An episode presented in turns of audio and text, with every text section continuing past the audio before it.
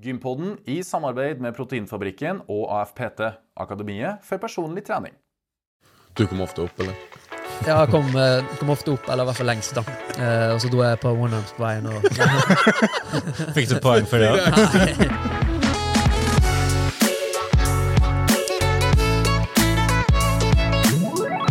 Og velkommen til Gympodden, den joviale pod- og videokassen for deg som er glad i trening, ernæring og den aktive livsstilen. Og som bestandig så krydrer vi godt med både gjester og digresjoner. I dag har vi tatt turen til Skullerud, hvor vi er invitert til Oslo klatresenter. Ja. Eh, Nå sitter vi her og ser rundt oss. Dere som ser oss på YouTube, ser jo hvor vi sitter her. Midt i smørøyet. Eh, og jeg sitter jo her med min makker og podvert. Fredrik By. Og Fredrik, har du vært på gym i det siste? Ja, det har jeg. Senest i dag tidlig. Bra. Da kjørte jeg litt av styrkeøkt på morgenen her. Og så etterfulgt av pulsspinn fire ganger fire. Oi, oi, oi. Så jeg fikk liksom rydda unna treninga før vi skulle treffes i dag. Nemlig. Og jeg gjorde det samme. Jeg Ja. hentet jo deg på Gardermoen, og jeg kjørte innom Sats på Jessheim og tok meg ei økt der. Ja. Ja. Hvordan gikk det? Kjempebra. Var litt mye folk, for jeg trena litt i prime time, da. Fra halv fire til halv fem. fem Ja, det. Ja. Eh, Skjønner, skjønner. Men jeg kom meg gjennom. Mm. Um, og nå sitter vi her. Nå sitter vi her, Ja. og dagens tema er klatring, motivasjon og YouTube. Ja. Hvordan er dine klatreferdigheter, Lasse? Jeg jo, for det første så er jeg jo litt høydesvak. Ja. Så jeg har jo på, på en måte unngått litt uh, å klatre. Um, det var mye klatring og sånn når jeg gikk på barneskole. Uh, men jeg var flink til å stå og se på hei. Jeg tror ikke du tør å klatre så høyt opp, og så gjorde de det, og så var det ha-ha. ja, så det var en klatrevegg? Nei, ikke sånn, men du vet jo, alle var jo i skogen før i tida. Ja, ja. Um, men jeg har jo, jeg liker jo å utfordre meg sjøl. Mm. Så for et par år siden så var jeg eh, oppe i Svolvær. ja. Og så har, jeg- så har jeg en kompis som Han er veldig bitt av klatrebasillen. ja. Og så drog han meg med til Svolværgeita, og så klatra jeg opp der. Og da er spørsmålet Hoppa du? Nei. Jeg ble fira ned som en sekk med potet. Og jeg brukte alle hjelpemidlene på tur opp. Vi klatra led. Ja. Eh, altså at du kløpper deg innpå etter hvert. Det skal vi snakke om her i dag. Um, og jeg brukte eh, På det ene punktet så eh, holder jeg meg fast med begge hendene. Og jeg brukte tennene, kjeften, til å holde meg inntil veggen. Jeg skalv. Det var helt forferdelig. Det var regn i lufta, ikke noe tak. Men jeg kom meg opp. ja. Helt, jo Helt på toppen, liksom? helt på toppen. Ja. Jeg sto ikke oppreist. Jeg lå igjen, brukt munnen, for at det går en sånn strap på toppen der. Du har, har du vært der sjøl? Jeg var der i fjor. Du, den strappen, den har jeg hatt i munnen. For dere brukte kjeften! Jeg var så redd for å Og så måtte jeg prøve Åh, Ja. ja, Så hvis du ramler ned, så har du liksom heng, hengt etter eh, tennene, da? ja, jeg vet ikke. Eh, og jeg husker faktisk Jeg, jeg kommer ikke i haug hvordan jeg kom meg eh, n- på en måte ned da, til å bli fira. For jeg var så redd.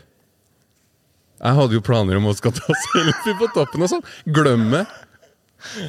Men det Eh, og når jeg kom ned, eh, vekk med tårer Dette var så massivt for meg. da Ja. Jeg var så glad. Jeg kyssa bakken, eh, lå der og så på det oversida av været. Og mm, mestringsfølelse med stor M, altså. ja. Det var en veldig eh, skummel opplevelse, men veldig fin opplevelse. Ja, så du var happy liksom når du Superhappy. Med å ha Åh. gjort det? Oh, jeg kjenner gleden nå når jeg gjenforteller det. Ja, men det er jo bra. Det er det viktigste. Ja. Enn du? Har du Har du opplevd noe av det samme som jeg har opplevd? Jeg har jo vært på Svolværjenta. Det har du. Jeg klatra opp der, og jeg hoppa, jeg òg. Du hoppa ifra det ene bukkhornet til det andre. Ja, ja, men han eh, som var guiden, han sto jo på andre sida og passa på veldig, da. Ja, men det skrår jo veldig nedover. Ja, men det er mer et sånn dropp. Du bare dropper deg rett ned, og så er du der. Så han tok imot meg, så da var jeg ganske Niks. safe, da. Ja, Men har du klatra, da? Du, det har jeg. Jeg var ganske aktiv back in the days. Ja. Og det var jo sånn, eh, det var jo sånn jeg oppdaga vår gjest.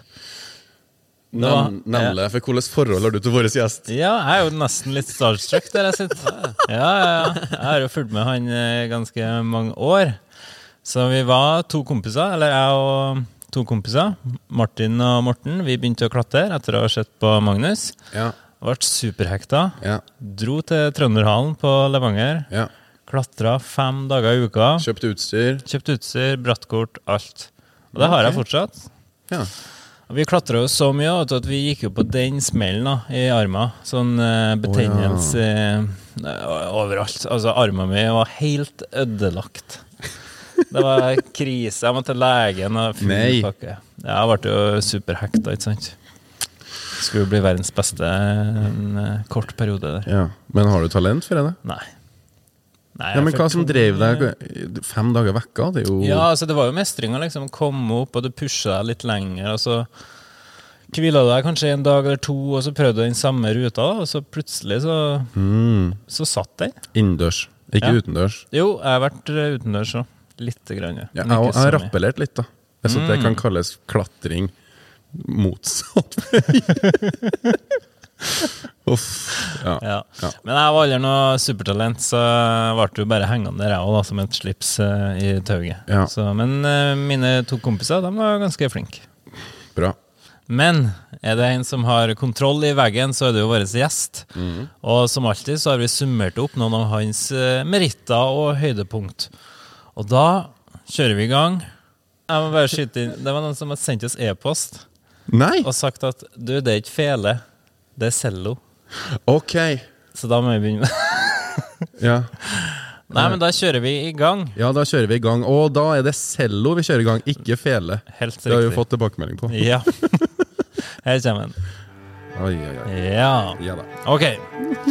Han gikk sine første steg inn i en klatrehall som tiåring, og siden den gangen har han prestert følgende. Førsteplass i Norgesmesterskapet i senior 18 ganger. Wow. Han har vunnet nordisk mesterskap sju ganger. Mottatt hele 13 kongepokaler. Men det er ikke bare i Norge og Norden han har prestert. Han ble juniorverdensmester i 2005, og han vant Europacupen sammenlagt i 2005. Som senior nummer åtte i VM i 2007 og nummer fem i EM i 2010 og en fjerdeplass i VM 2011. Og sjøl mener gjesten vår at hans beste prestasjon er bronsemedaljen fra World Games i 2013.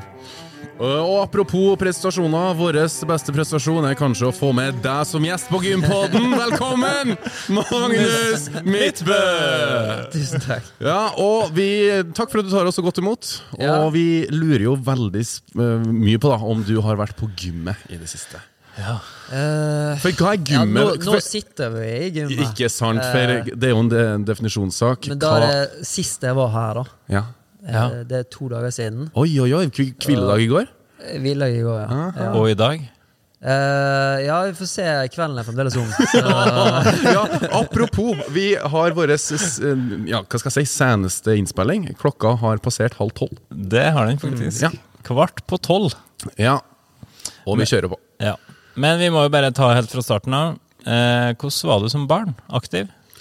Veldig aktiv. Jeg har nok eh, samme historie som alle klatrere. At uh, man klatret på alt før man begynte å klatre. Faktisk Ja. klatre på, i trær, på Ja. søyler, på biler, på absolutt alt. Uh, Ikke noe høydeskrekk. Nei, litt i begynnelsen hadde jeg nok litt høydeskrekk, ja. Det høres rart ut, men jeg tror det er det som gjorde at jeg ble så tiltrukket av klatring òg. For det var den mestringsfølelsen. Hadde jeg ikke hatt høydeskrekk i det hele tatt, så hadde jeg ikke følt at jeg mestret noe. Mm. Uh, så det var et eller annet Det var liksom Jeg var ikke veldig redd, men jeg var litt redd. Så det, det var liksom Ja. Det, man skulle ikke tro det, men man blir liksom Man blir vant til alt, da. Uh, ja. Ja. Men hvor, hvor tidlig begynte du å klatre, da? På ting og tang og tre? år? Nei, allerede da jeg var det, sånn her to- to-tre år. Ja. Jeg husker alle andre foreldre sånt, var jo sjokkert over at foreldrene mine lot meg klatre på alt. Men de, eh, de stolte på meg. Jeg hadde liksom kontroll. Jeg falt, falt egentlig aldri ned. Det skadet meg litt, kanskje, men ikke, ikke sånn veldig. Så, men det er en veldig vanlig historie blant uh, klatrere. da. Ja, okay. Eh, så jeg var veldig fascinert forresten over at du brukte tennene opp uh, Svolvær-jenta.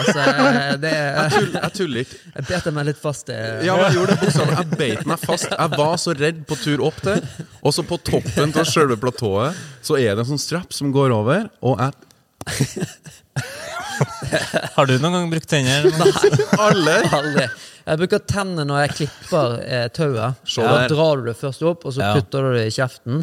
Og så drar du videre. da Ja. eh, Men til og med der så gikk det sånne historier da jeg var ung om folk som hadde tau i munnen. Ja. Og så ble de så redde når de falt, at instinktet er å bite fast. Ja, Så de bet det var det instinktet jeg kjente Ja. på, for jeg beit fast. Men når du be biter tauet og faller, så det spruter det tenner. Så jeg hørte Ja, heldig, heldigvis så gjorde det For jeg holder jo tak òg, da, med begge hender samtidig. ja. Så Men det er tips å ikke bruke. Ikke, Ja, altså, ikke gjør som det, det var ikke et tips, det var egen Ja. uh, opplevd erfaring. Ja. Så Styr unna den. styr unna den. Ja. Hør på Magnus. Tilbake når du var barn, da, var det sånn at du Har du noen bilder fra der du pusher grensene liksom ekstra mye, eller? eller Nei, jeg har ikke så mange bilder, egentlig. Men det var, jeg hadde sånn søyle på Nattlandsfjell der jeg bodde, som var sånn fire-fem meter høy. Og den var sånn helt sånn firkantet, sånn kvadratisk, da. Som Ja. jeg hadde sånn spesiell teknikk for å komme opp. Um, så jeg har noen sånne bilder ja, sånn, som du bare har beina for, og så går du sånn, liksom. Oh, ja. Som sånn oh, ja. omtrent Jeg hadde omtrent bleie på mens jeg gjorde det, liksom. Opp fire meter. Imponerende. Ja. Så uh, der uh, herjet jeg i mine første år. Ja. Det er litt rart å tenke på. Jeg synes det skjer for meg. Men var du innom noen andre idretter, da? Før du Ja, jeg var innom masse forskjellig. Eh, Jeg var innom karate. Uh, har du sett Karate Kid sikkert 100 ganger? Var giret på å slåss, men det eneste vi gjorde der, var å le leke stiv heks og masse sånn tull. Sant? Så jeg forventet jo at det liksom Ja, for skulle du ville action. jeg ville action. Du vil Så når du kommer dit og forventer liksom å, å slåss, Ja. og så får du ikke det, så blir du så skuffet. Ja. Eh, men det var liksom det som skilte seg litt ut med klatring. Da, at jeg dro jeg til hallen, og jeg fikk liksom klatre allerede første gang. fikk jeg klatre på toppen av veggen og følte Ja. meg som liksom kongen. Ja. ja, for når var første gangen du gikk inn i en klatrehall? Det var ti år. Nemlig. Og det var jo helt sånn magisk. sant? Altså Klatring er ikke Det var ikke det det er i dag. Eh, på den tiden så var det liksom ja, Jeg visste ikke at klatrehaller fantes engang. Mm. Det var sånn, det var skikkelig sånn underground-sport. Du, du måtte kjenne noen, eller du måtte ha familie som drev på med det for å i det hele tatt, i det hele tatt få lov å prøve. Oh, ja. Eh, så det føltes veldig spesielt å gå ned i Bergenshallen første gang, og det bare satt en sivilarbeider nede. Det var liksom ingen skilt utenfor, eller noe som helst. Vi visste at det fantes, liksom. Og så kom du inn i en sånn hall som er sånn 16 meter høy. Og, eh, Hvor høyt er det her, forresten? Her er det 17,5. Ja. Ja. ja. Så det var litt det samme viben? ja, litt samme. Men det var jo svært, da, eller? Var det liksom Ja, skikkelig sånn mektig Altså Når jeg ser tilbake på nå, så er det jo en støvete, skitten, liten hall. Men eh, Eksisterer den en dag i dag? Ja, men den skal rives, faktisk. Nei. Ja, ja, veldig uh. synd. Det, ja. Eh, For den er helt utdatert, men på den tiden så var det blant topp tre i Norge. Ah. Så, Men du har jo vært med å starte noe klatresenter, du skal ikke bare ta over der, da? øh, jo, faktisk. Det hadde vært utrolig gøy å bare kjøpe det senteret. Og så bare eie det. og bare... Ja, kom For jeg har liksom ingen barndomshjem eller noe som helst. Altså, familien har på en måte Ja, ja, men du har jo et barndomssenter. Det er akkurat det. Så jeg har jo tilbrakt mer tid der enn jeg har gjort i barndomshjemmet mitt uansett. Så Ja. det, det å kjøpe tilbake det hadde vært uh, Burde egentlig begynne å spare opp nå, sånn at jeg får kjøpt det tilbake før jeg skal rive da. Ja. Men når du var ti år, da, hadde du aldri hørt om en klatrehall heller? da? Nei, Du- visste ikke at det fantes. Du har ikke sett det på film? Du. Ingenting. Nei. Nei. Visste at folk klatret på fjelltopper, liksom, og visste at Mount Everest var 8800 og et eller annet meter. Men ikke at det fantes eh, klatretak i forskjellige farger. Hvem som, hvem som introduserte deg for det, da? Eh, det var mamma. Det var, hun var på frisøren en dag, og frisørdamen snakket. De skravlet sammen, og så sa hun at det fantes klatring i Bergenshallen, og at eh, det var veldig gøy. Og så tenkte mamma at det var perfekt for meg. Det var også en måte å, liksom, å utøve, eller få utløp for klatringen uten å eh, skade seg. da. Ja, i, Siden du er, i- i du er jo innbundet ja. i tau, og liksom det er trygt. Så mora di hadde heller ikke visst Hun visste ikke av noe Nei. Så Nei. de tok, eh, tok oss med ned dit, og så Oss, har du eh, søsken? Uh, nei, det var meg og en kompis, da. Men jeg har søs en søster som også Hun begynte et halvt år etter meg. Ja. Mm. Og hun ble også veldig god, da, så vi har liksom drevet på sammen. Kult. litt. Mm. Så, så var det ja, bitt fra første, første gang, egentlig. Og i, helt i begynnelsen så fikk vi ikke lov å klatre så mye. Det var ingen, ingen ungdomsgrupper. Det var ikke sånn at du bare kunne komme inn og klatre så mye du ville.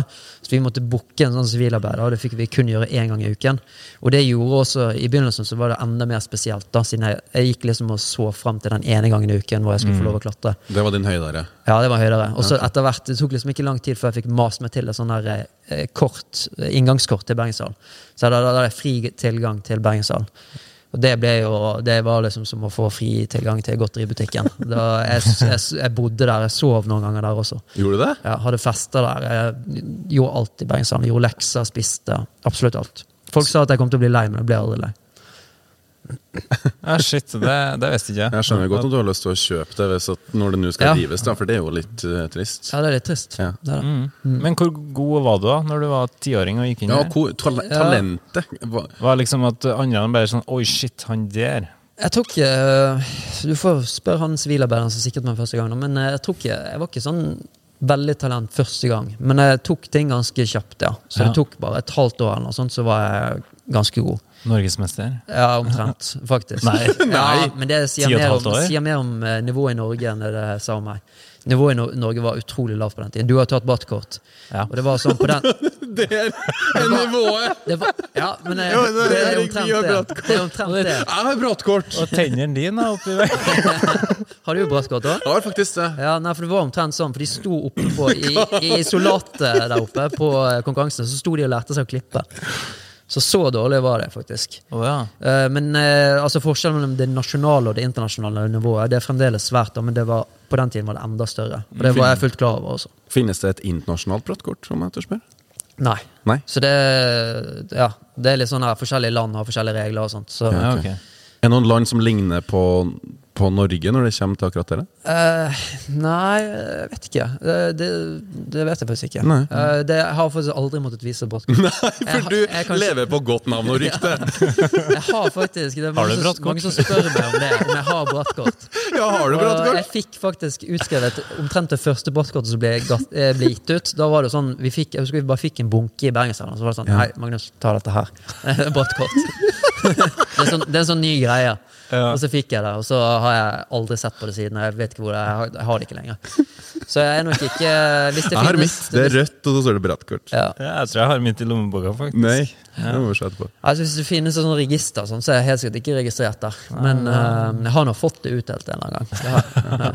Men kan ikke du forklare oss hva et brattkort er, for dem som ikke vet det? Ja, det er, da, da må du gå gjennom et kurs, og så tar du en test på slutten av det kurset som uh, tester deg på sikring på led.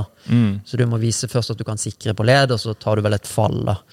Uh, sik altså Led vil si at du, du går uten med Du klipper inn, inn på tauet på veien opp. da. Ja. Topptau, Det finnes også topptaukort, og da kan du kun sikre på topptau. da. Det er når, topp, når eh, tauet henger fra toppen, gjennom toppanker og ned. Det er en enklere måte å sikre på. Eh, så ja, det er vel en, eh, et, et ti timers kurs som regel. Men du, ja. du trenger ikke ta det kurset, du kan også bare møte opp og ta, ta testen. Så hvis du har en kompis som har lyst til å lære deg å sikre, og sånt, så kan du også gjøre det. Mm. Mm. Du er jo eh, feil person å spørre om det, egentlig, vet du. siden du ikke har noe brattkort. Brattkort, ja, egentlig. Det kan gå, det er alt jeg sier feil nå. Altså. Ja. Eh, Men hadde, du har nevnt at du hadde ei søster. Ble Mm. eh, hun med på den klatrebonanzaen fra tiårsalderen? ja, hun ble også ganske hektet ganske fort, ja. Det gjorde. Er dere like gamle? Eh, hun er ett og et halvt år yngre enn meg. Okay. Så det var liksom ikke så kult å klatre med lillesøsteren sin. Uh, ja, når man er tolv år, liksom, så er det ikke så kult å ta med søsteren som er ti og et halvt. Uh, så vi hadde liksom det. Vi hadde to forskjellige, forskjellige crews da, på en måte, som vi hang med. Oh, ja. Er det du kaller det? Nei, En sånn ikke, nei, jeg kaller det egentlig ikke crew. Første, første gang jeg bruker det ordet. jeg syns egentlig det er ganske kleint ord. Men Hvilke ord bruker du da? For gjengen, liksom? nei, jeg, jeg, jeg, syns bare Jeg sier bare Bruker å kalle folk etter navnet. Ja, ok. Så Men den flokken med mennesker vi traff her i kveld, hva kaller du det? eh, det er bare en gruppe klatrere. Mm, Ok. ja. Climbers. Men når du, når du var 10-11-12 år, da fikk du deg noen forbilder når du holdt på? Ja, ja, masse forbilder. Ja. For da Eh, begynte jo verden å åpne seg, helt sikkert. da. Ja, men så var det en sånn ukjent verden. Sant? Altså, det er vanskelig for ungdommen nå til dags å sette seg inn i. Sant? Ja. Så når du har internett, så er all informasjon er så tilgjengelig. Mm. Men for meg så var liksom informasjon Det var å gå på måtte dra til byen og på- gå på Narvesen og kjøpe Rock and Ice og Climbing. De to magasiner de hadde på kun én Narvesen i Bergen. Ja. Det var min liksom Og og nyhetene kom på en måte tre måneder senere til meg enn til enn de var Ja. Altså Hvis det var en rute, rute som ble gått, I så måtte, den først, måtte først informasjonen sendes til Narvesen i Bergen. Så måtte jeg gå og bruke sparepengene mine på å plukke det opp. Og så kunne jeg begynne å lese det, og liksom, i tillegg så var det på engelsk, som ikke var veldig lett å forstå. Så det var liksom, det er mye som har skjedd siden den gangen. Det har skjedd bitte litt. Å, gøy. Ja. Så um, man føler seg veldig gammel når man eh, eh, Ja, men Var det tips og triks å hente fra de magasinene, eller var det egentlig bare for å få Ja, plakater av kule klatrere midt der? ja, kule klatrere og få, få nyhetene, på en måte. da Eh, Hvem som hadde gått de siste hardrutene, og var liksom så var ja, så var det rekla Til og med reklamene var interessante. Se på de nye klatreskoene som kom ut. og liksom Uh, ja, Sammenligne det med det som var i, på Platø i Bergen. Og liksom se Hvem var det som florerte i klatremagasinene eh, back in the days, da? Nei, Det var Chris Sharma og David Graham var de jeg så opp til. Mm. Det var De som var, de hadde plakater på rommet. Å, det hadde du, ja. Ja. Så det, det var store forbildene mine. Og David Graham møtte jeg jo bare to år senere, i en skog i Frankrike. Uh, Ja, Det høres jo litt shady ut, men uh... det er ganske shady. Omringet av prostituerte og Så, ja. Uh, ja. Så det er en liten verden. Altså Den klatreverdenen er ganske liten, og det er ikke sånn eh, Sånn i andre miljøer sånn, så setter man på en måte de som er best i sporten De blir veldig sånn uh, altså forgudet, omtrent. da Ja. Mens i klatresporten så er de på en måte bare en del av gjengen. da ja. Crewet. Eh, Kom du, kom du sjøl i de magasinene du snakker om nå? Bare to-tre år senere? Ja da, jeg har vært i de magasinene selv. Ja. Og både Chris Sharma og Dave Graham og sånt er jo folk jeg møtte bare noen år senere. Uh, så det var liksom en veldig kort vei. Uh, jeg var liksom Jeg var for Bra- starstruck til å bratt. Ja, veldig bratt vei. Jeg var for starstruck til å si noe til det, så jeg sto bare og stirret. Men oh, ja. Ja, Var du litt sjenert? er veldig sjenert. Hvordan var du som person på den tida her? Var du eid du rommet når du kom inn? Nei, og bare, nei, nei, ikke i det hele tatt. Uh, Var det så vidt du torde å ta litt kalk på fingrene? Og... Ja. Turte, turte ikke snakke Selv om jeg var ganske god i engelsk, så turte jeg ikke si noe. Nei. var litt, sånn, litt flau å snakke engelsk til folk. Ja, som er er veldig veldig- rart, for nå har jeg jo YouTube som er bare på engelsk. Ja. Og står i baris. Ja, du er en engelsk, flink liksom. formidler. Ja, det jeg er nok Ja, jo. Takk for det. Ja. Men sånn var det ikke før. Nei, jeg var kanskje flink på å formidle, men jeg var nok litt uh, sjenert, da. Ja. uh, følte meg veldig sånn Men du, du lett eh, kanskje klatringa stå for praten? Ja. Og så tror jeg Jeg tror liksom klatringen var Det gjorde at jeg fikk mer selvsikkerhet, da. Ja. uh, så jeg mer selvsikker pga. klatringen. Mm. Det var, det var egentlig det eneste jeg var god på. Så det ga meg, ga meg mye Eller jeg, var god, jeg har vært god, alltid god i idrett, og sånt da men, eh, men det ga meg mye selvtillit. Ja. Men har du hatt noe medlemskap på gymmet, da? Altså styrketreningsgym? Satselekser, ja. Ja. For eksempel. Eller på snøball. Ehm, nei, det har jeg ikke. Men det er jo så på dette gymmet her, for eksempel, så er det jo vekter og sånt. da Ja. Det så jeg, det tenkte jeg å spørre deg om. Ja, Men jeg bruker det ikke veldig mye. Nå bruker jeg det litt mer, men da jeg var yngre, for eksempel, så var jeg alltid redd for å legge på meg. Eh, Jeg legger på meg ganske eh, muskler ganske raskt. Ikke så raskt som Lasse, sikkert, men eh, over gjennomsnittet raskt. Ja. Eh, og de fleste klatrerne sånn, som jeg så på, da, som var liksom de jeg så opp til, de var uh, sånn rundt min høyde, men mye lettere enn meg. da Så jeg prøvde liksom uh, Jeg var redd for omtrent se på, på vektene, for det, oh, ja, okay. det skulle gjøre meg større. da det, Ja. At jeg la på meg masse muskler jeg ikke trengte. Mm. Så spesielt sånn beinvekt, da. Det er jo klatrere, sånn proffklatrere Det er ironisk nok, for hvis du har på et nybegynnerkurs, så sier de at du må eh, bruke beina, for det er det sterkeste Du er sterkere i beina enn du er i armene. Men etter hvert som du blir bedre, så klatrer du på brattere ting, og beina er det egentlig bare som sånn dødvekt. Ja. Eh, så jeg husker Vel. at eh, Nei, det var til og med noen av de beste klatrerne. Det, var, eh, det gikk historier om folk som gipset beina for å gå ned i beinvekt, og satt i rullestol et par uker for å, Hæ? for å minske Altså Hvis du gipser noe, så, så går du ned veldig fort i vekt. Men du går også veldig fort opp i vekt igjen, da så du må liksom Ja. passe på å ikke bruke det. Um, men det er så, ja, så, så er Det er jo liksom, ganske eh, ekstremt, da. Ja, det er ganske det- ekstremt, da. Men det er jo det er som jeg har sagt ofte, altså idrett er sunt, men toppidrett er ikke nødvendigvis alltid sunt. Mm. Uh, alle sporter har på en måte sitt. da. Uh, noen sporter så er det doping, andre sporter så er det uh, slanking. Eller Ja. sånn usunn slanking og ja. ja. Noen sporter er det belastning. Sant? Altså, det, klatring så er det Det er ganske mange som har litt sånn usunt forhold til vekta blant de toppklatrerne. Ja. Men tilbake til når du var 10-12 år, da. Var det sånn at miljøet rundt deg begynte å se potensialet i deg? Liksom Ja, det var det, men det var ganske sånn hardt miljø. da Det var liksom sånn, Du skulle ikke tro du var noe. på en måte Nei, Det er ikke okay. sånn som i dag, hvor alle blir hypet opp, og alle er sånn verdensmester, alle får medaljer. på en måte Der var det sånn, Alle, alle fortalte meg på dårlig jeg var. Og ja, Du må ikke tro du er noe bare fordi du har vunnet NM. på en måte Det, internasjonale nivået er så mye høyere.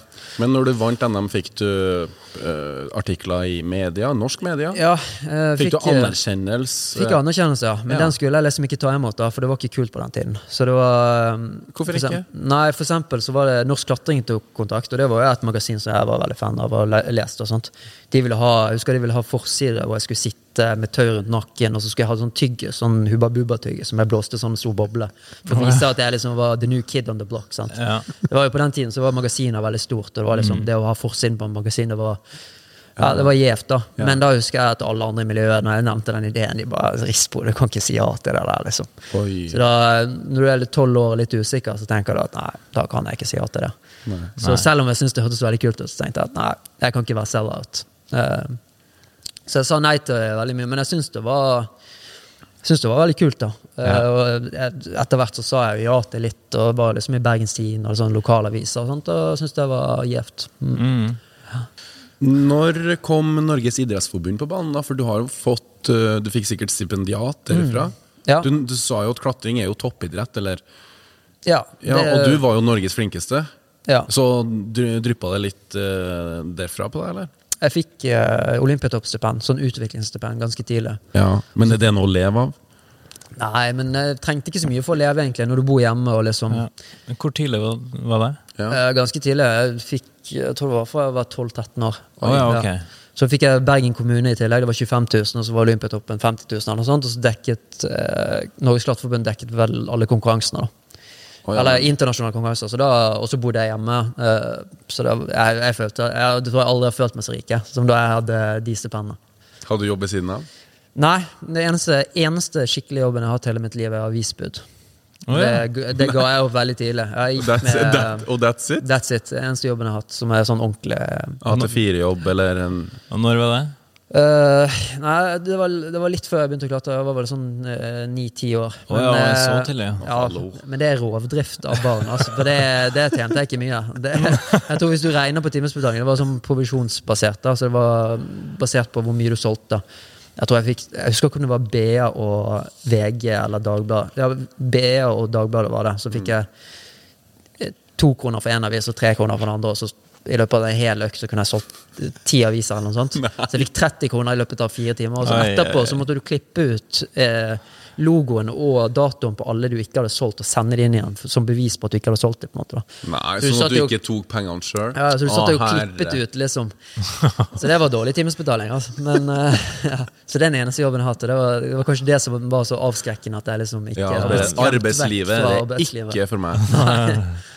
Men enn foreldrene dine, ble Vart, eh, er de aktive klatrere, eller var de det?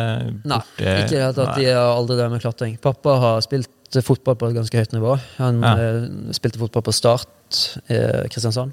Mm. Og mamma har egentlig aldri drevet med noe sånn organisert eh, idrett. Men hun er jo atletisk og sånt. Mm. og pappa er jo akademiker. Han er professor på Universitetet i Bergen. og sånt. Skulle Ja, okay. sikkert ønsket at jeg hadde gått den retningen. Så, men jeg er jo eh, Ja, jeg droppet ut av eh, videregående, så jeg har jo ingen utdannelse. Men klatrer de i dag, da? Eh, Har de klatra med deg? liksom? Nei, de tok brattkort ganske fort etter Ja, at vi begynte. Ja, men det skal ikke mye til å få det brattkortet. Nei, det var det, ja. De fikk eh, levert dem òg? Ja, de fikk det, de òg. så, så de lærte seg liksom å sikre sånn at de kunne støtte opp eh, under det vi drev med. Og de, eh, vi, dro på ferie og sånt sammen hvor vi klatret alle sammen. Ja, Eller de sikret mest, da, og vi klatret. Ja. Mm. Så det Ja. Kult. Men når var liksom det tok av fullstendig på klatrefronten? Når For bestemte du deg for å gønne på? Nei, det var fra sånn 2002-2003. Da begynte jeg å konkurrere internasjonalt. Og begynte, begynte å vinne europacuper. og så var det 2005 var liksom gjennombruddsåret mitt. Da, da vant jeg junior-VM i Kina, og så kom jeg til finale i verdenscuper senior. Eh, så det var liksom Innendørs eller utendørs? man tør alt, alt er innendørs. Ja, Alt er alle innendørs, da. konkurranser er innendørs. Så de skrur liksom ruter som er så harde at de vet at det holder verdensklassenivå. da. Skjønner. Mm. Mm. Så det var egentlig da jeg skjønte at jeg kunne liksom bli skikkelig god. da. Ikke det at Jeg visste jo ikke hva det innebar, i det hele tatt, for det, det, på den tiden så var det jo ingen som levde av klatring. Nei. Så det var ikke sånn at jeg startet, og det tror jeg er ganske bra utgangspunkt. Jeg startet aldri med klatring fordi jeg tenkte at jeg skal bli rik. eller Jeg skal, Jeg visste ikke engang at jeg kunne leve av det. på en måte. Så jeg tror det er ganske bra utgangspunkt å ha. Det er bare at jeg, jeg elsket å klatre og hadde lyst til å gjøre det så mye som mulig. Og ja eh, Jeg tjente om jeg, om det bare Om jeg måtte ha jobb ved siden av, på en måte, så hadde det vært helt greit. Så lenge jeg fikk klatre så mye som mulig. Ja. Mm. Men var det grei business, da, når du vant uh, de ulike konkurransene? Nei, egentlig ikke. Det har aldri, aldri vært noe spesielt uh, bra betalt, nei. Uh, fikk de stipendene, og så fikk jeg litt sponsor etter hvert og sånt. Ja. Eh, så, men samtidig så er det Ja, jeg følte meg egentlig ganske rik. Jeg har alltid vært god på å liksom ikke bruke så veldig mye. Mm. Og ja, Så jeg har vært flink på, flink på å ikke bruke. Eh, men hva er ditt eh, største høydepunkt da i karrieren, føler du sjøl? Jeg har mye sånne nerdehøydepunkt som ikke dere kommer til å forstå.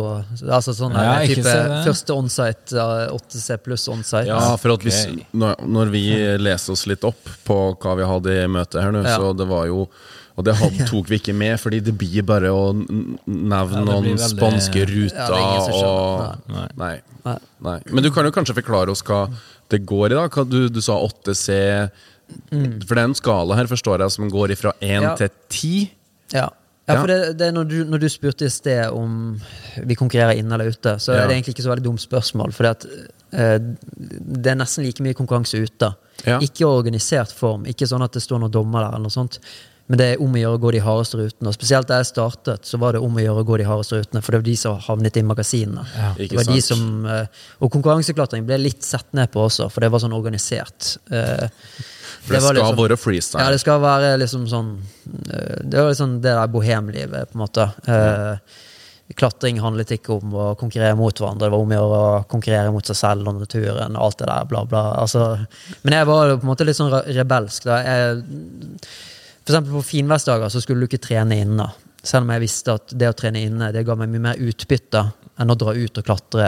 Eh, så, og jeg dret litt i hva de andre sa. Eh, Det har egentlig vært en av mine styrker opp gjennom tiden. At jeg har aldri brydd meg så Altså, jeg bryr meg selvfølgelig eh, Jeg kan En negativ kommentar og alt sånt kan gå ganske hardt inn på meg, egentlig, men eh, til syvende og sist så, så kommer jeg uansett til å gjøre det som jeg føler er best for meg. da Eh, og, og det tror jeg ja, det kan være en eh, dårlig eh, Altså ikke en bra kvalitet, da, men eh, når det kommer til sånn toppidrett og sånt, så er det en, en nødvendig nødvendig eh, kvalitet. Uh, man må kunne liksom sortere ut det som ikke er viktig, og så fokusere på det som må til for å bli best. Og jeg visste at uh, det var en grunn til at de andre i Norge ikke var best. Det var fordi de gjorde noe feil.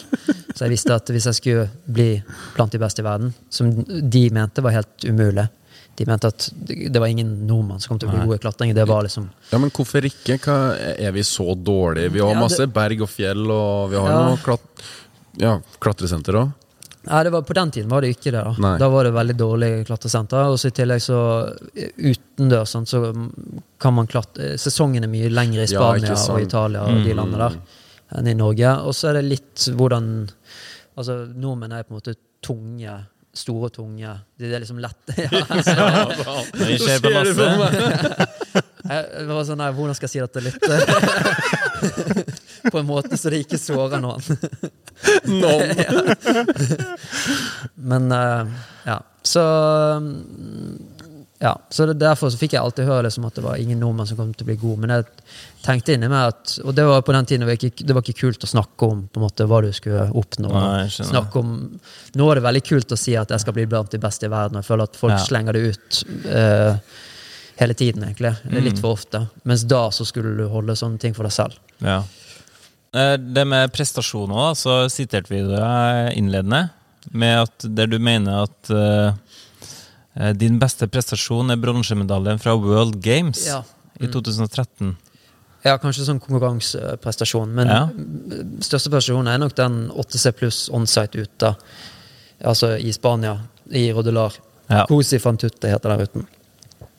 Pisinettas heter sekt sektoren. Eh, så Vi må få Men det et kart. altså, ja, fordi at eh, altså, eh, 8C pluss eh, er jo en ganske høy grad. Mm. Onsite vil si at du går det på for, første forsøk uten å vite noe om ruten. Oh, ja. Eh, så det er det Blindt. ja, det er fremdeles altså, Da jeg gjorde det, så var det jeg tror det var fem stykker i verden som hadde gått den graden onsite. da ja, okay. Så jeg var én av fem. Og jeg tror jeg fremdeles er jeg tror, Kanskje syv-åtte som har gått det nå, da, totalt. totalt. Men jeg er en av de syv-åtte som har gått det. Så jeg har gått 9B Redpoint, da. Men det er det, på den tiden jeg gikk det, så var det jeg tror det var fem-seks andre som hadde gjort det i verden da. Men nå er det kanskje 20 stykker som har gått det. Så det er ikke like høy prestasjon, da. Nei. Um, men det er fremdeles en, kanskje den prestasjonen jeg er mest stolt av. Ja. Det er den 8C pluss onsite. Og det er jo en prestasjon som for 99,9% av befolkningen ikke betyr en dritt. Nei, nei, nei. Uh, men for folk som vet hva det er, så Betyr det Ja, ja. masse. betyr det masse. Og for deg betyr det masse. Det er For, for meg betyr det masse. Og det som er unikt med å klatre ute og gå ting ute, det er det at det er bokstavelig talt hugget i fjell. Altså Det er jo ruter som kommer til å være der for evig og Ja, alltid. det er, Så det er jo tipp uh, oldebarna mine kan dra til Roddelar. De kan teste den ruten, og så kan de se hvor god eh, bestefar var. Mm. Så det er jo ja, Jeg syns i hvert fall det er gøy. Og da ser de bare opp veggen og bare Nei, uff. ja. Ja. Men uh, klatring ble jo en OL-gren i 2020. Mm. Ja. Første, Ja. For første gang. Ja, for første altså, gang. 2021, da. Ja, det ble 2021, for det var jo utsatt. Men det ble kalt OL For, OL 2020. for jeg så buldringa, nemlig. Ja. Eh, det var ganske fancy. Mm. Men spørsmålet mitt til deg, var det utendørs klatring òg, i tillegg? Nei. Sånn first, hva du sa, first onsite, altså at du ikke har sett Ja. løypa før? Ja, så, altså Sånne ting det går man uten å Du har noen vitner, men det, det er ikke i organiserte former. Så, men det, alle sånne ting logger man på en side som heter 8.no. Eller man begynte med det egentlig akkurat da jeg startet å klatre, og det ble også sett litt ned på. For du skulle liksom ikke loggføre prestasjonene dine. Du skulle liksom bare, Å, du bare klatre og ha det gøy, liksom. Oh, ja, si det til alle dem som bruker Strava i dag. Ja, nettopp. Ja, så, Du er helt motsatt. Ja, det er helt motsatt. Så, men jeg var veldig dedikert på å logge alle rutene jeg gikk og sånt. da. Ja. Og så fremdeles i dag så har jeg liksom alle rutene på akkurat dat datoen har gått, og sånt, de er logget, og jeg har liksom en liste over alle. Eh, Så det, så det blir sånn konkurranse, og så er det sånn graderingen og sånt er jo heller ikke vitenskapelig. Sant? Så hvis du går en rute og kaller det 8C, så kanskje jeg går etterpå og sier nei, jeg tror den er mer 8B pluss. Og så hvis jeg ikke liker det, for eksempel, så kan det være at jeg gjør det uansett om jeg faktisk ikke følte at den er 8B pluss, men jeg bare har lyst til å disse deg, eller ta ned ja. Så det blir sånn intriger også. Og intriger er jo også en ting som selger i sport. Sant? Så, det, så fort det blir litt sånne her eh, debatter og sånt, og garderinger det er veldig sånn Skaper mye debatter. Har du skapa mye debatt eh, opp igjennom, eller? Nei, ikke så veldig mye. Eh, Det var egentlig veldig få jeg ikke likte, på en måte. Så ja, det Er det noen som ikke har likt det? Ja, no, ja, det var mitt neste spørsmål. Ja. Hæ? Er det noen som ikke har likt det? Ja, som har dissa deg. Bare. Eh, nei, jeg har vært ganske bra, godt likt, men eh, jeg har vært eh, Jeg var veldig arrogant på et tidspunkt, det var jeg nok. Eh, litt Har sånn- arrogant eller Altså- sjølsikker, altså Ja, selvsikker, men til kanskje litt for eh, Jeg tror det var på den tiden liksom, jeg var sånn 14-15 og fikk ikke, fikk ikke lov å delta i senior-NM. Eh, jeg mente at jeg var, gam, altså, jeg mente jeg var god nok uh, til å vinne. Var du god nok? Ja, jeg tror jeg hadde nok vunnet. Uh, men jeg, Ydmykt! men jeg, jeg vet ikke om jeg hadde hatt så godt av det. på en måte.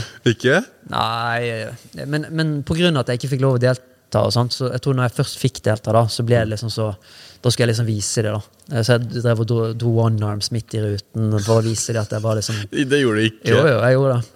Tok liksom one arms midt i ruten bare for å vise at jeg var bedre enn de. Ja, så...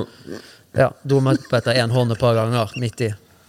Og så gikk du videre. Ja, Så sånne ting eh, som jeg, når jeg ser tilbake på nå, så tenker jeg fy faen, så kvalmt, liksom. Men, eh, ja, det er jo men når du- du- Ja, og så Ja. er det, jo- det er litt sånn at det er som man må være Jeg var liksom kanskje ikke sånn utenom konkurransen, da, men det er et eller annet Du blir liksom en litt sånn annen person i konkurransen. da Mm.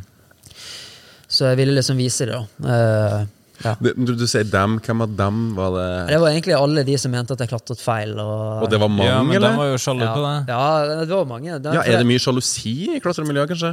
Ja, mye, det er en del sånne bedrevitere, i hvert fall. Uh, og ofte så Jeg er veldig forsiktig med å fortelle folk at de klatrer feil i dag. da Bare fordi at jeg ble fortalt så mye Da jeg var ung, så ble jeg fortalt at jeg klatret feil teknisk. At jeg brukte altfor mye styrke og for lite teknikk. Mm. Eh, og ja, for du var jo knallsterk i midja og opps. ja, så jeg satset på jeg, mer å klatre effektivt og klatre kjapt, på en måte. Ja, men Eh, man må benytte seg av de styrkene man har. Ja, nettopp. Du finner, Ja. du finner på en måte Alle har jo forskjellige kropper og forskjellige styrker, og sånt, så må du finne en, en uh, teknikk som passer uh, deg. da Ja. Eh, Men de, de mente at jeg klatret feil, så jeg ville liksom vise de også at, eh, at jeg ikke klatret feil, men at jeg bare klatret på min måte. Men feil, var det sånn estetisk ikke bra nok? Også? Ja, du hadde for eksempel På den tiden så var det ned, du vred ned mye. Du skulle alltid ha beina på veggen. Du skulle aldri slippe beina. Du skulle klatre veldig sånn sakte og kontrollert. da Være veldig forsiktig med beinplasseringene. du var, var kanskje liksom, litt eh, mer brå. Ja, jeg var brå, Spesielt når de folkene kom inn, og så, hvis jeg trente og de så på, så var jeg ekstra brå. For da skal jeg liksom vise det. Så jeg hadde, mye, jeg hadde en veldig sånn rebelsk side. eh, det hadde jeg. Men det var liksom det som tente, tente meg litt. Og så hadde, jeg, så hadde jeg selvfølgelig veldig mange som jeg likte, og som, som, uh, som også likte meg. ja. Heldigvis. og så, men så ristet jeg litt av med det der rebelske. Da. Jeg ble mer sånn ja, bedagelig eh, etter hvert. Ja, nå siste året, jeg eller? trodde du la opp. Fra mai av.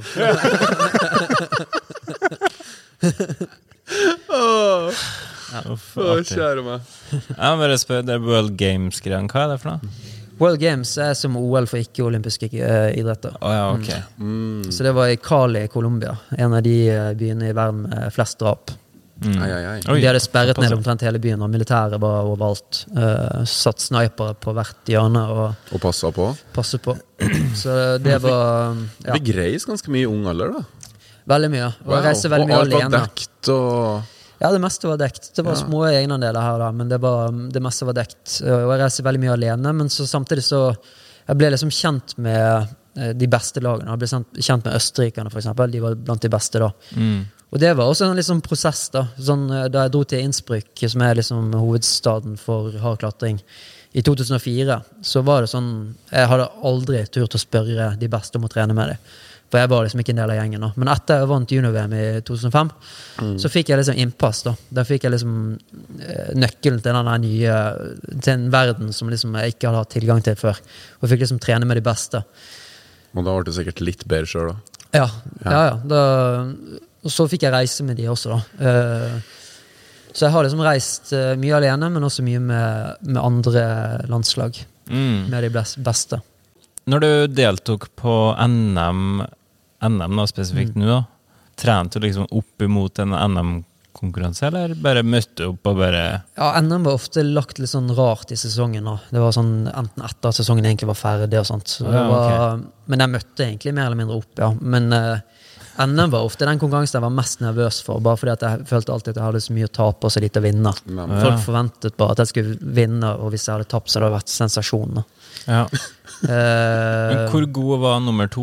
Ja. Altså, i, i, dette er led, da. I, Ja. I bulling så har det Jeg har vunnet en del NM i bulling men eh, der er det mer jevnt. Men eh, på led så, så, så var det ganske Da var det mye som skilte ofte, ja. Mm.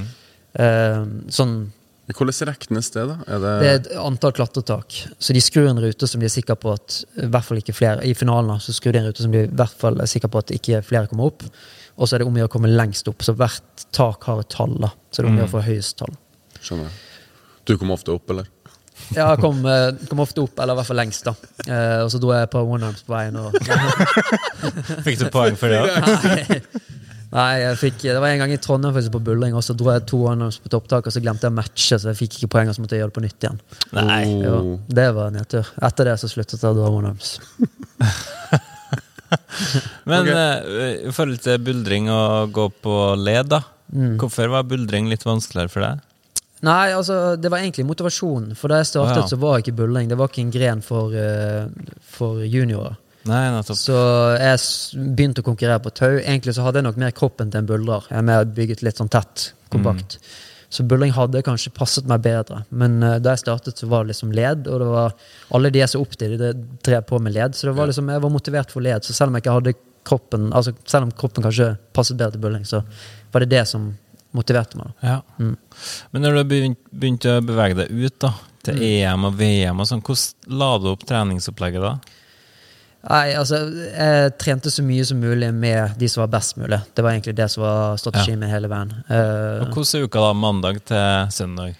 Uh, det var egentlig Jeg dro på tivoli, det er klatresenter Innsbruck heter tivoli. Ja. De, eh, der dro jeg uh, fem ganger i uken. Og så var det Altså, i perioder så trente jeg veldig hardt. De periodene var lenge før mesterskap og konkurranse, da. Ja. Så i begynnelsen så gjorde jeg ofte den feilen at jeg ikke hvilte nok. Etter hvert så lærte jeg meg å hvile nok. Det er jo sånn at du, De fleste blir jo mer og mer giret jo nærmere du kommer en konkurranse. Mm. Men ikke du? Eh, jo, men det er det jeg prøver å gjøre motsatt av. Ja. For jo mer du, Hvis du blir veldig giret uken før, så trener du altfor hardt. sant? Ja.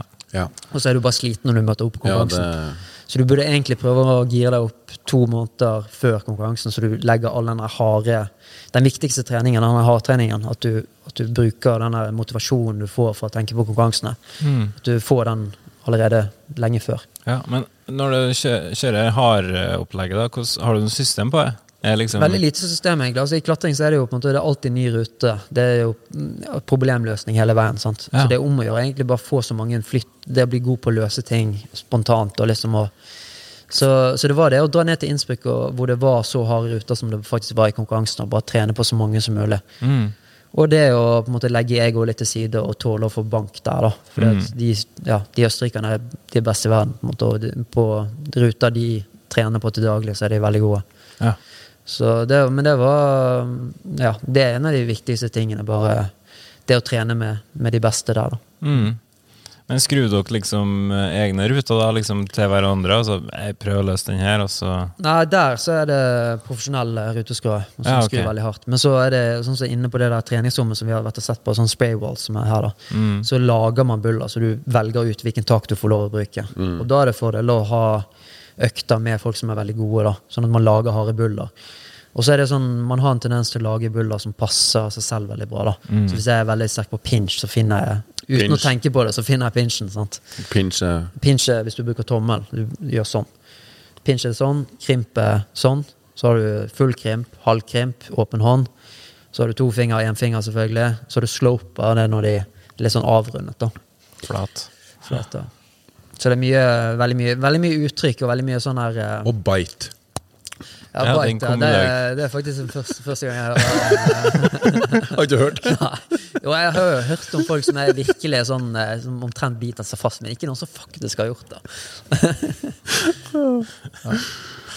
Men når du, når du trener opp imot en konkurranse, hva er andre treningsopplegg du la inn, som eh, pushups eller eh, roøvelser, eller altså Altså, jeg- jeg hadde- Hengeøvelser. Ja, det er mye Man gjør mye sånne her pull-ups og one-arm pull-ups og dead hangs og sånne type ting. Men jeg hadde en sånn ting eh, som jeg bare kalte mageprogrammet. eh, som jeg lærte av en nederlender som hadde vært i Aix-en-Provence. Aix-en-Provence, Det var sånn lukket miljø på slutten av 90-tallet, hvor de beste trente. Yuji Hiriyama og Francois Legras og hele den gjengen der. Som, de var liksom, det var ingen andre som slapp inn av å kunne det beste.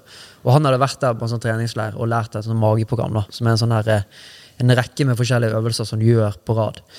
Så traff jeg han, eh, Det var en nederlender som heter Nils. Så jeg traff han i Arko eh, en sommer, og så lærte han meg det, det mageprogrammet. da. mm. Og så husket jeg aldri det mageprogrammet da jeg kom hjem, da, men jeg tenkte at det der er veldig god trening. Så jeg, fant, jeg husket noen av øvelsene, og så lagde jeg et program som funket ganske bra. Og så har jeg gjort Det programmet, det ble nesten som en sånn tvangstanke. da. Så Det ble et sånt mageprogram som jeg gjorde hver kveld før jeg la meg, i tillegg til alt annen trening jeg gjorde. Og det var bare sånn jeg måtte gjøre, så Selv om brannalarmen gikk hjemme, så fullførte jeg det mageprogrammet.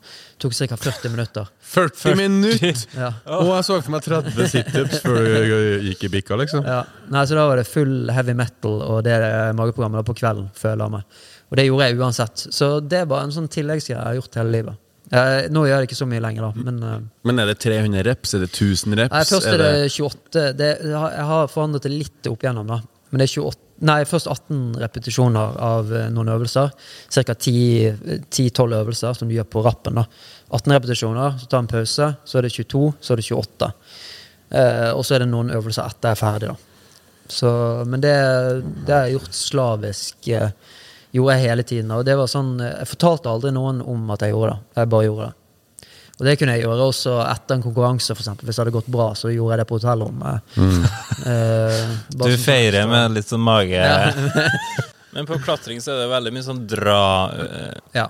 Veldig mye dra. Er det sånn at du trener på motsatte push? Litt antagonist, ja. For å, det er mest sånn for skadeforebyggende. Ja. Ja. At du, hvis du blir veldig sterk én vei, så Eller teorien er i hvert fall det at du, du bør trene motsatt da for å unngå skader. Ja. Har du hatt mye skader, eller? Ingen skader. Aldri Ingen skader? skadet. skader? Som er uni altså det er ingen, ingen andre proffklatrere jeg vet om som ikke har vært skadet. Bank i bordet. Men når du var tolv år, da, så trena hver eneste dag. Du Mm. hadde ikke noe da der? Nei, altså det, det som også er merkelig, er at jeg er så dårlig på å varme opp i tillegg. Så ja, Du bare gunna på? ja bare gunna på. Og uttøying. Eh, nei, jeg tøyer, tøyer veldig lite òg. Så det er bare et eller annet ja, genet eh, Søsteren min har også vært veldig lite skadet, egentlig. Så det er nok litt genetisk. Har du forska på det? Eller har du ikke- blitt forska på? Uh, nei, ikke blitt forsket på. Det har jeg ikke. Altså, jeg har blitt forsket på, men ikke på det. Nei. Ja, det er sånne, eller jeg forsket på, forsket på. Jeg husker de gjorde sånn eksperiment på idrettshøyskolen hvor de målte blodgjennomstrømning gjennom, gjennom hovedpulsåren som går gjennom bicepsen. Hvor mye blod den pumper. Å ja. Hvor stor åpningen er. Ballmasse. Ja, det var ganske mye. Ja. Det, var, det var en del prosent, for de målte meg og øh, alle, alle de beste, alle på landslaget i Norge. Mm. Eh, på den tiden. da. Og da hadde jeg tror jeg hadde 20 større åpning eller noe sånt. Eh, så, så det er faktisk mer blod altså Det strømmer jo da gjennom bicepsen for å komme ned til underarmene. Ja. Og det er der man blir pumpet. Det er jo en da. fordel, sånn at Ja. det får frist oksygen frist. når du er i bagen. Nettopp. ja. Så, så det var jo spennende. Og med det, kjære lytter, så runder vi av del én med Magnus Midtbø. Eh, Men frykt ikke, del to den kommer neste uke. På gjensyn, da. Ha det.